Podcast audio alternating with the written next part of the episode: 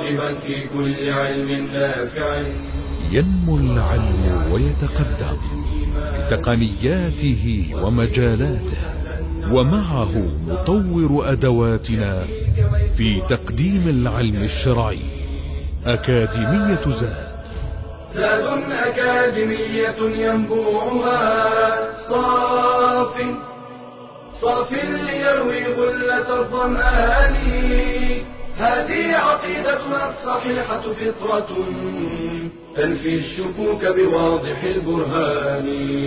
بشرى لنا ذات أكاديمية للعلم كالأزهار في البستان.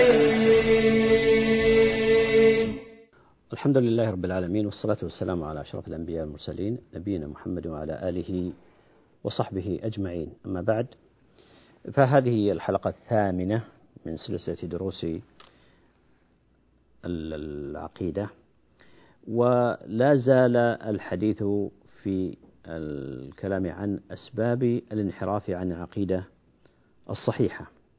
وذكرنا فيما تقدم الحديث عن سببين رئيسين أولهما الجهل بالعقيدة والثانية اتباع دعاة الضلالة دعاة السوء. وحديثنا اليوم في هذه المحاضرة عن السبب الثالث من هذه الأسباب ألا وهو اتباع الهوى وهذا هو الأمر الخطير جدا. بل هو المعبود الخفي الذي قد يقع الإنسان في تأليهه وعبادته وهو لا يشعر. ولذلك قال الله عز وجل أفرأيت من اتخذ إلهه هواه؟ وأضله الله على علم وختم على سمعه وقلبه وجعل على بصره غشاوة فمن يهديه من بعد الله أفلا تذكرون؟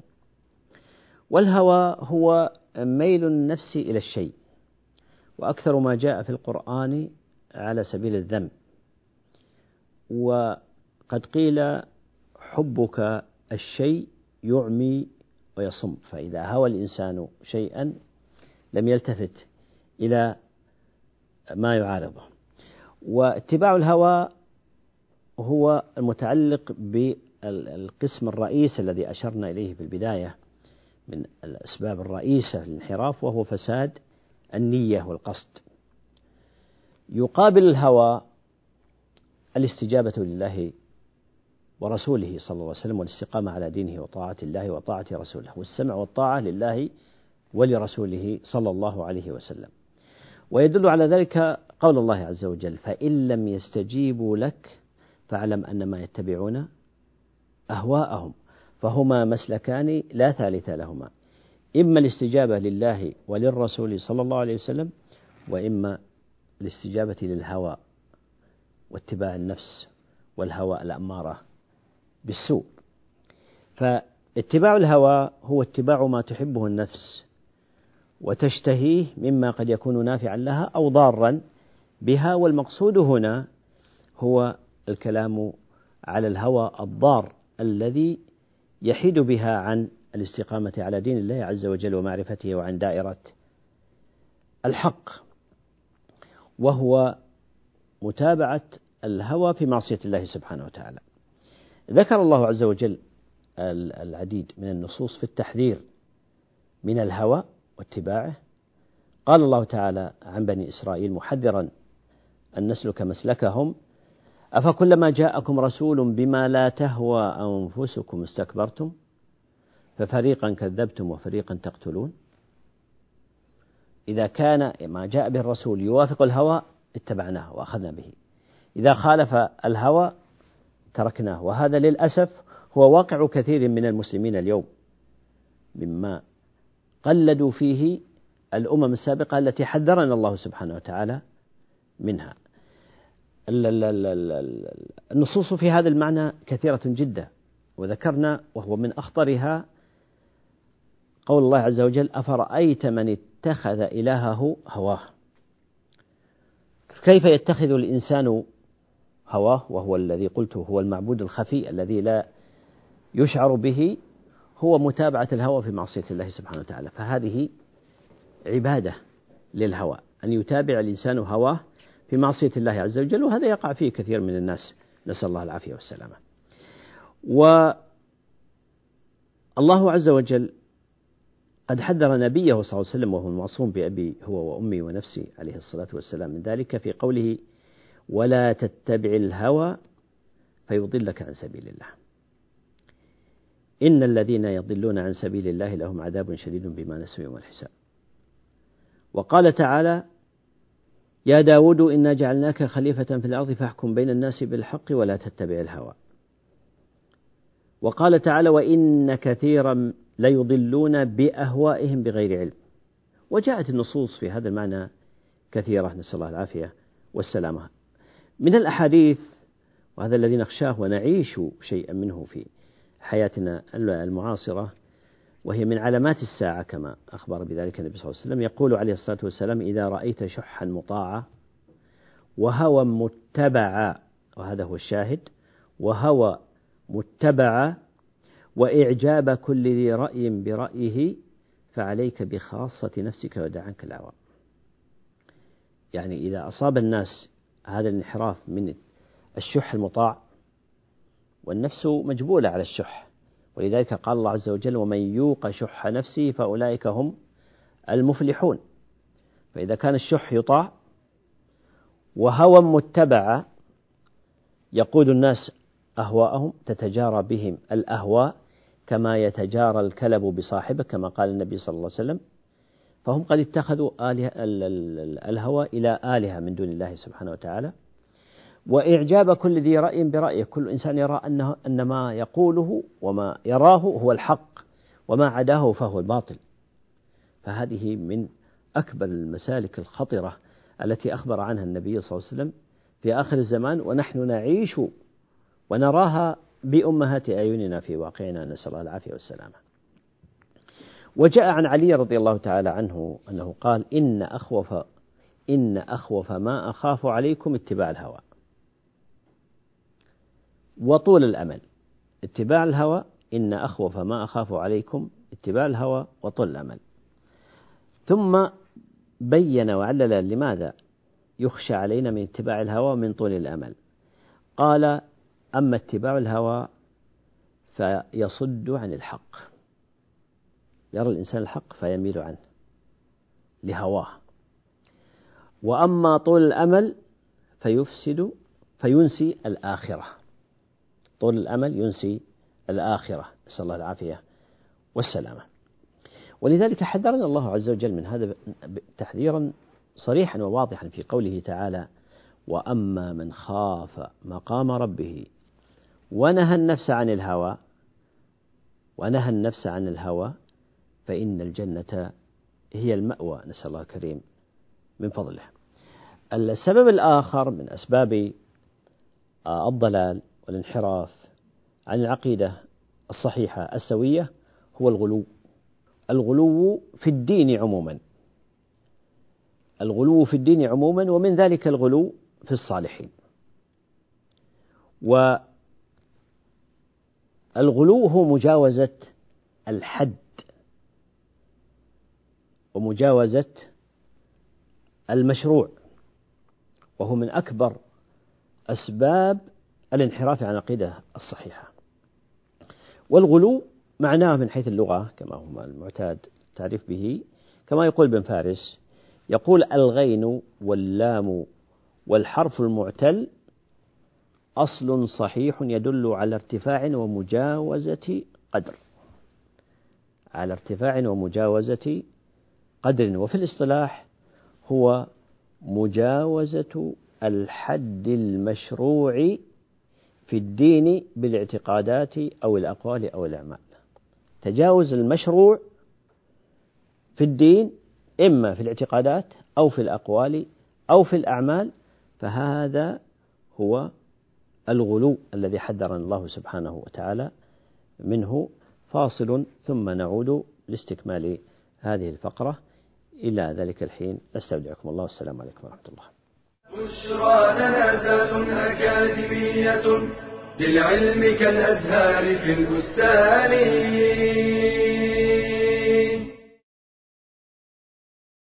قد خلت من قبلكم سنن فسيروا في الأرض فانظروا كيف كان عاقبة المكذبين. التاريخ مخزن العبر ومعلم الأمم. فيه أخبار السابقين الأول وأسباب التمكين وزوال الدول. من اعتبر بدروسه نجا ومن تعامى عن حوادثه هوى. وقد عني القرآن بذكر الكثير من القصص والتنويع في أحداثها لتوجيه الأنظار إلى الاعتبار بأحوال الأمم في كفرهم وإيمانهم وشقاوتهم وسعادتهم. فلا شيء يهدي الإنسان كالمثولات والوقائع. قال تعالى فاقصص القصص لعلهم يتفكرون. ومن هنا ينجلي للعاقل أهمية العلم بالتاريخ وعلو شأنه. فإذا نظر الإنسان إلى أحوال الأمم السالفة وأسباب قوتهم وضعفهم وعزهم وذلهم حمله ذلك على حسن الأسوة والاقتداء بأسباب السعادة والتمكين واجتناب ما كان من أسباب الشقاوة والهلاك والتدمير وأن التحولات في أحوال الأمم من رخاء إلى شدة ومن شدة إلى رخاء. إنما هو من جراء أعمال العباد. قال الله تعالى الله لا يغير ما بقوم حتى يغيروا ما بأنفسهم. فمن فوائد وثمرات دراسة التاريخ الإحاطة بالتطبيق العملي للإسلام وذلك من خلال السيرة النبوية. العلم بأن الأمة مكلفة بهدف عظيم وهو عمارة الأرض بمنهج الله تعالى. العلم بأعداء الأمة والعلم بطبيعة الصراع بين الحق والباطل. فهم الحاضر. لأن الحاضر جزء من الماضي. فمن لم يعتبر بماضيه لن ينتفع بحاضره. إدراك سنن الله تعالى في هذا الكون وأنها لا تحابي أحدا.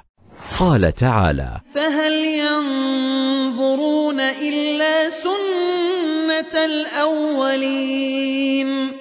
فلن تجد لسنة الله تبديلا ولن تجد لسنة الله تحويلا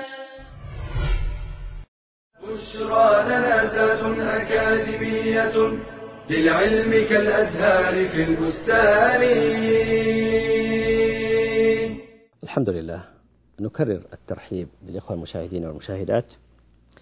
وتكلمنا عن السبب الرابع من أسباب الانحراف عن العقيدة السوية وهو الغلو. وقلنا هذا الغلو في الدين في عموم الدين ويشمل الغلو في الصالحين. وذكرنا التعريف اللغوي والاصطلاحي للغلو و من مرادفات الغلو الطغيان وهو تجاوز الحد.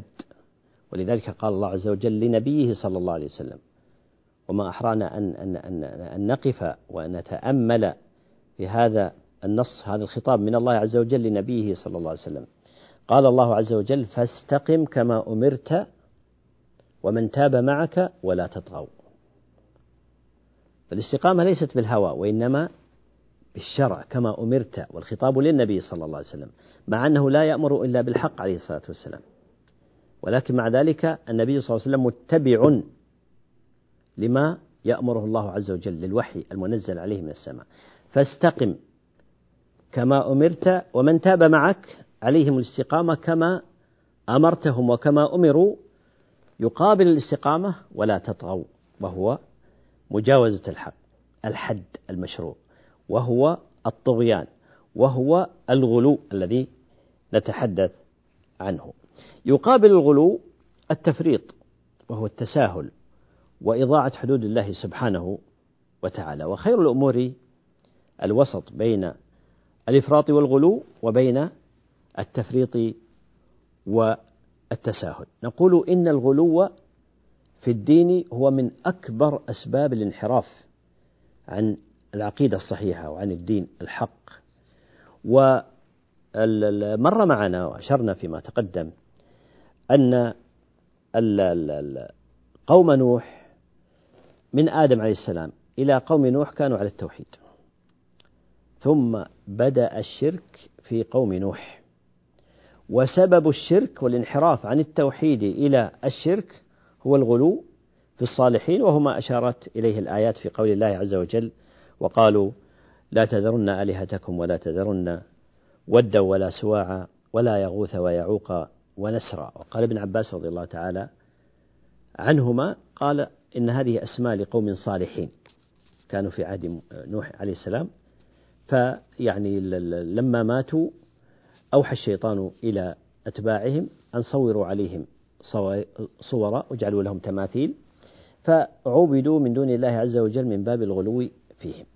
فلذلك جاء التحذير من الغلو في الصالحين وهو من أكبر أسباب الشرك والعياذ بالله. وأكثر شرب شرك العرب إنما هو من باب الغلو في الصالحين. وقد جاءت النصوص كثيرة في التحذير والنهي عن الغلو بصوره وإشكاله وألوانه. في قول الله عز وجل مخاطبا أهل الكتاب والخطاب لنا. يا أهل الكتاب لا تغلوا في دينكم ولا تقولوا على الله إلا الحق.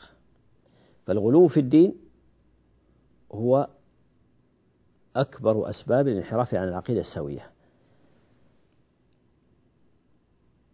النصرانية أو دين الله الحق الذي أنزله الله عز وجل وبعث به المسيح ابن مريم عليه السلام كان على التوحيد الخالص وكان على اتباع شريعة موسى عليه السلام السابق له. فلما رفع الله موسى عيسى عليه السلام إليه عز وجل غلا فيه أتباعه فدخل عليهم الشرك من باب الغلو.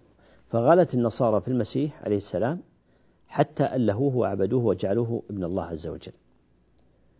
وغلت النصارى اليهود قبلهم في عزير حتى جعلوه ابن الله نسأل الله العافية والسلامة.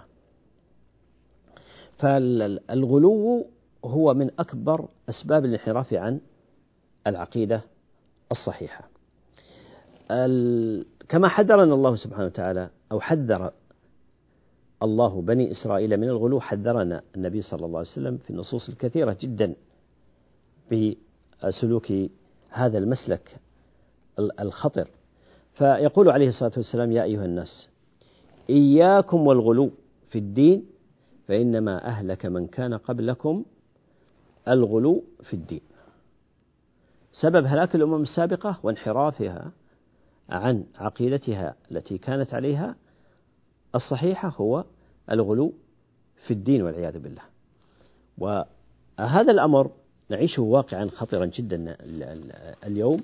سنشير إلى شيء من ذلك بعد قليل لكن الغلو الآن ما يرى في الغلو في الصالحين في قبورهم ما يفعل في حول الأضرحة والأموات من استغاثة ونذور و دعاء وغير ذلك من الأمور هذه كلها من مظاهر الغلو.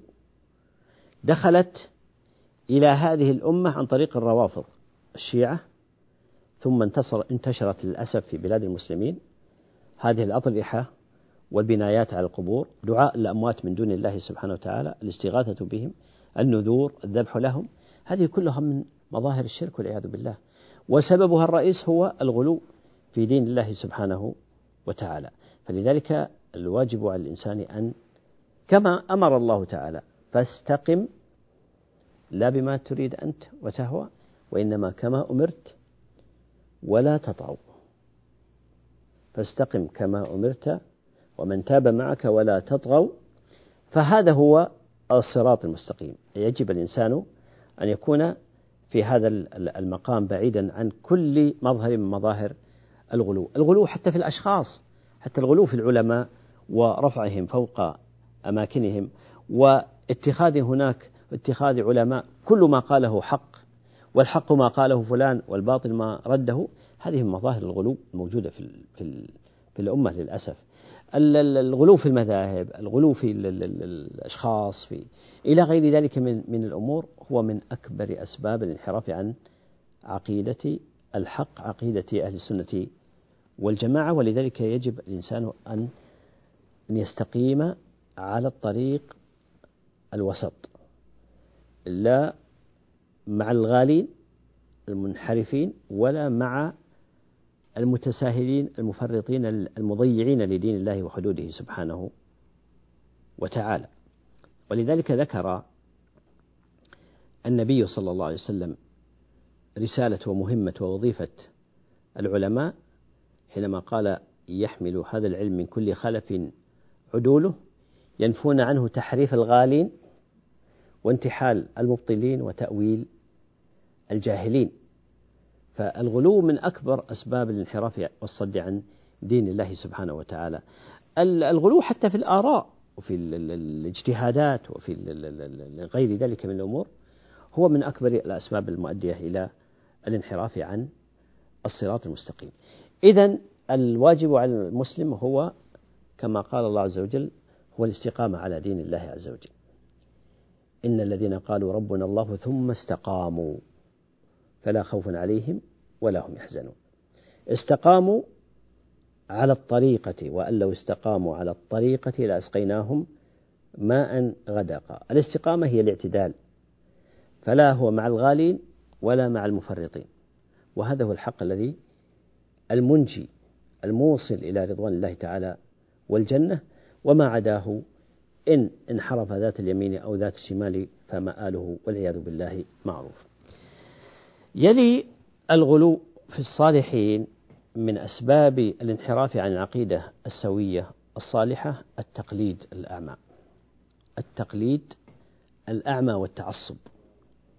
والتقليد هو العمل بغير بقول الغير من غير حجة. العمل بقول الغير من غير حجة. والمراد هو اتباع الإنسان اتباع الإنسان غيره في اعتقاد دين بلا دليل ولا تأمل. هو اتباع الإنسان غيره في اعتقاد دين بلا دليل ولا تأمل. ولهذا قال الله عز وجل وإذا قيل لهم اتبعوا ما أنزل الله قالوا بل نتبع ما ألفينا عليه آباءنا. قال تعالى أولو كان آباؤهم لا يعقلون شيئا ولا يهتدون فكيف تتبعهم؟ ففاصل ثم نعود لاستكمال هذه النقطة. فإلى ذلك الوقت. أستودعكم الله. والسلام عليكم ورحمة الله. بشرى لنا أكاديمية للعلم كالأزهار في البستان.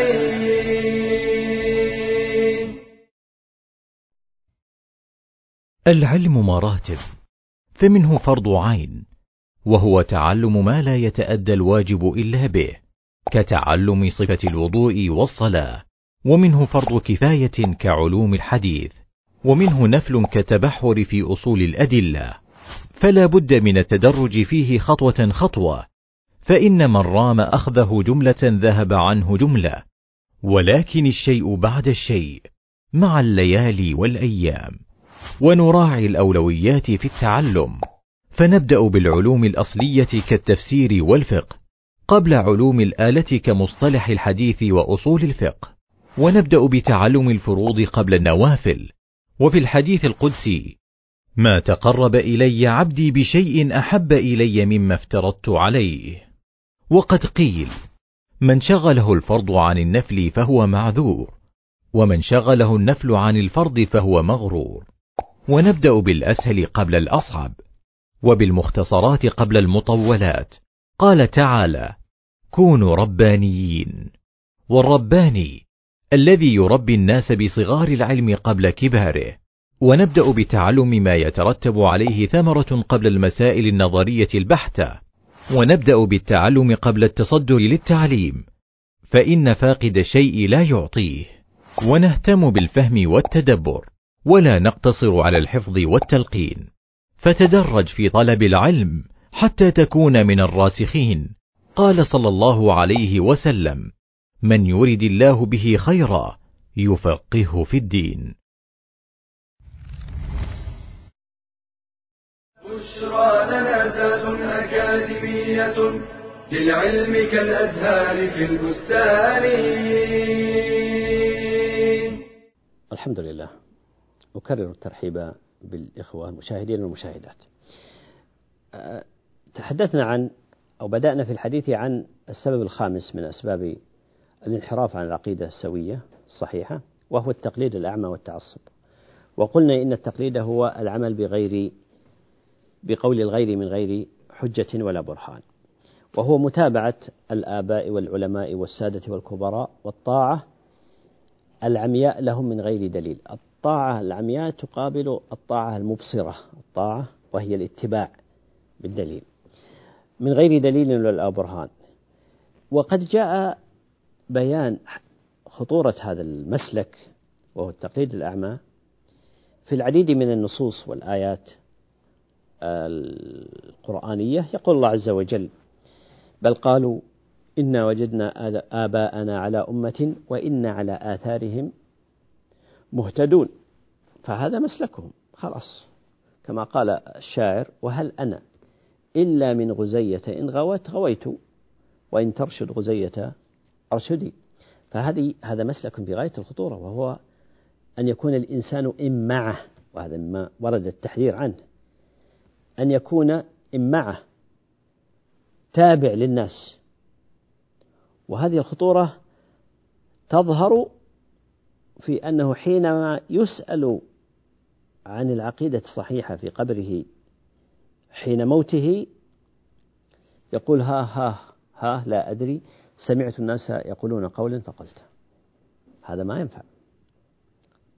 فلذلك حذرنا الله سبحانه وتعالى في العديد من الآيات من هذا التقليد الأعمى والتعصب لما عليه الآباء والأجداد. قال الله تعالى وقالوا ربنا إنا أطعنا سادتنا وكبراءنا فأضلونا السبيلا. ربنا آتهم ضعفين من العذاب والعنهم لعنا كبيرا. هذه لا حجة لا للأتباع ولا للمتبوعين لا للأتباع ولا للمتبوعين فيوم القيامة يتبرأ المتبوع من التابع ويتبرأ التابع من المتبوع. ولذلك قال الله عز وجل هنا وقالوا ربنا إنا أطعنا سادتنا وكبراءنا. فنتيجة هذه الطاعة العمياء فأضلونا السبيل. هناك يدعون عليهم ربنا آتهم ضعفين من العذاب. لضلالهم وإضلالهم. ولعنهم لعنا كبيرا والعياذ بالله. لكن لا ينفع هذا التقليد. نسأل الله العافية والسلامة. وذكر الله سبحانه وتعالى أيضا في هذا التقليد الأعمى ما عند أهل الكتاب. صورة من هذه الصور وقال الله تعالى عنهم اتخذوا أحبارهم ورهبانهم أربابا من دون الله. والمسيح ابن مريم. والمعنى أنهم اتبعوهم في تحليل ما حرم الله وبلا حجة ولا برهان. وهذه فتلك عبادتهم كما قال النبي صلى الله عليه وسلم في حديث عدي رضي الله تعالى عنهم. وحذر النبي صلى الله عليه وسلم من هذا المسلك مسلك التقليد الأعمى والتشبه. قال من تشبه بقوم فهو منهم والعياذ بالله. من وهناك أسباب للتقليد الأعمى منها العصبية. العصبية إما للآباء والأجداد للقبيلة للمذهب للطريقة لغير ذلك من الأمور. فلا يرى إلا ما يراه من تعصب له ولا يسمع إلا له. من ذلك أيضا التنشئة الفاسدة أن ينشأ الإنسان على التبعية. أن يكون تابعا أن يكون إمعة يتبع كل ناعق ولا يستعمل ما أنعم الله عليه من العقل وما أنزل الله تعالى من كتاب ومن سنة نبيه صلى الله عليه وسلم. والتقليد الأعمى يشمل تقليد الآباء والأجداد تقليد المشاهير والكبراء وغيرهم من هذه الصور. ومن صور التقليد الأعمى في عصرنا الحاضر آه، صور كثيرة جدا الحقيقة في هذا المعنى ومنها ما نراه عند الصوفية وكذلك عند الرافضة وهو أنهم يربون أتباعهم على التقليد الأعمى على الطاعة العمياء لا الطاعة المبصرة. وهذه أدت إلى أنهم ضلوا عن سواء السبيل. فضلوا وأضلوا والعياذ بالله. والصوفية كما مر معنا من الاشتراطات على المريد هو ألا يعترض على شيخه وألا يسأل شيخه عما يفعل وما يأمر به. وقاعدتهم لا تعترض فتنطرد أي عن الطريقة والعياذ بالله. ويقولون كن بين يدي شيخك كالميت بين يدي المغسل.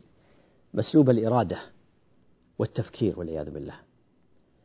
فهذه من من من من التربية على التقليد الأعمى والضياع. يكون الناس كالنعاج يقودونهم حيث شاءوا. نسأل الله العافية. والسلامة هذا الأمر في غاية الخطورة التي يجب أن يحذر منها المسلم أن يكون واع أن يكون مبصرا أن يكون متبعا على بصيرة. يقبل الحق ممن قال به ويترك الباطل من كل من قال به مهما كانت منزلته ومهما ما كانت آه، مكانته هذه قضية في غاية الأهمية التي يجب أن يحرص عليها الإنسان والمسلم في في في في حياته. من أسباب الانحراف عن العقيدة السوية اتباع سبل الضلالة. وهذه لها تعلق بالثاني الذي مر معنا وهو اتباع دعاة السوء. فكل سبيل من سبل الضلالة فعليه دعاة سوء وقد حذر الله سبحانه وتعالى عن ذلك في قوله عز وجل وأن هذا صراطي مستقيما فاتبعوه ولا تتبعوا السبل فتفرق بكم عن سبيله. ذلكم وصاكم به لعلكم تتقون. هذه الآية فسرها النبي صلى الله عليه وسلم كما في حديث عبد الله بن مسعود رضي الله تعالى عنه قال خط رسول الله صلى الله عليه وسلم خطا بيده عليه الصلاة والسلام ثم خط عن يمينه وشماله ثم قال هذه السبل هي الخطوط الجانبية هذه السبل وليس منها سبيل إلا وعليه شيطان يدعو إليه. ثم قرأ وأن هذا صراطي مستقيما فاتبعوه ولا تتبعوا السبل فتفرق بكم عن سبيله. وكذلك كما مر معنا في الآية السابقة في قول الله عز وجل ومن يشاقق الرسول من بعد ما تبين له الهدى ويتبع غير سبيل المؤمنين نوله ما تولى. ويتبع غير سبيل المؤمنين يتبع دعاة السوء نوله ما تولى ونصله جهنم وساءت مصيرا. فهذه من أسباب الانحراف عن العقيدة الصحيحة عن دين الله تعالى. الحق الذي يجب على الإنسان أن يحرص عليه. من وسائل الانحراف وأسباب الانحراف عن العقيدة الصحيحة الغفلة الغفلة وهي مرض القلب وهي من أخطر ما يصيب القلب والعياذ بالله. لأن القلب إذا غفل عن الله تعالى كان عرضة لكل صايد وكاسر من شياطين الإنس والجن. أه نختم هذه المحاضرة على أمل أن نلتقي بعد ذلك إن شاء الله. إلى ذلك الحين أستودعكم الله. السلام عليكم ورحمة الله وبركاته. تلك العلوم دروسها ميسورة في صرح علم الراسخ الأركان. بشرى لنا بشرى لنا بشرى لنا ذات أكاديمية. للعلم كالأزهار في البستان.